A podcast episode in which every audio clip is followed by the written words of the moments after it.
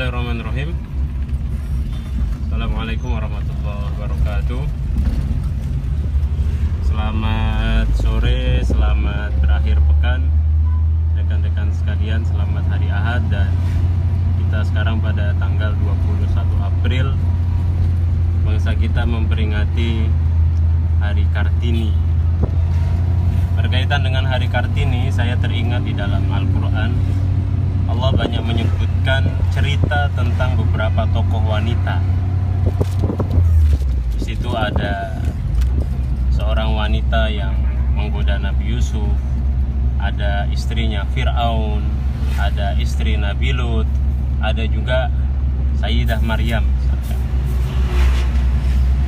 Syekh Mutawali Asy'arawi di dalam menafsirkan tokoh-tokoh perempuan tokoh apa pun itu di dalam Al-Quran beliau memberikan kesimpulan apabila tokoh di dalam Al-Quran disebutkan secara detail profilnya maka tokoh ini tidak akan terulang kembali di dalam sejarah.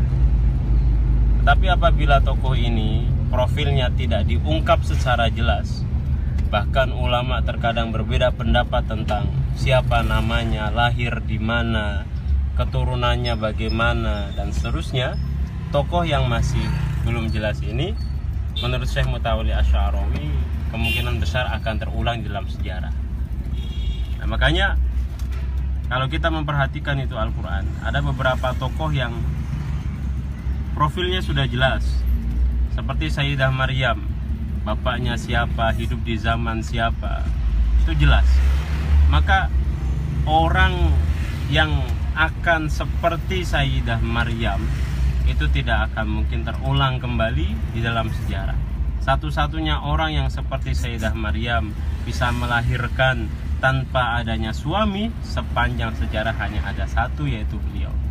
Ini berbeda kaitannya ketika Al-Quran menceritakan istrinya Fir'aun tidak disebut namanya secara jelas wamra'atu fir'aun kata Al-Qur'an.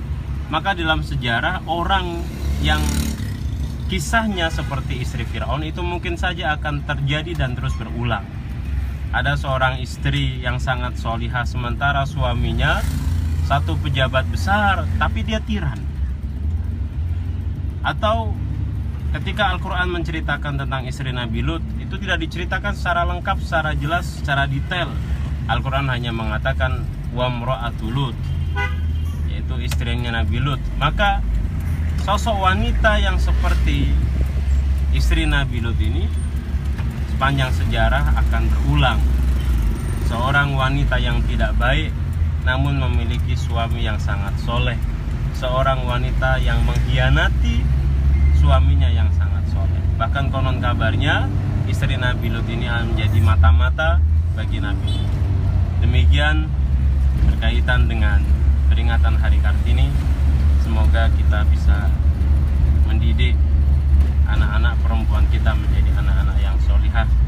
Semoga kita bisa terus menjadikan wanita kita sebagai lumbung peradaban bagi generasinya. Assalamualaikum warahmatullahi wabarakatuh.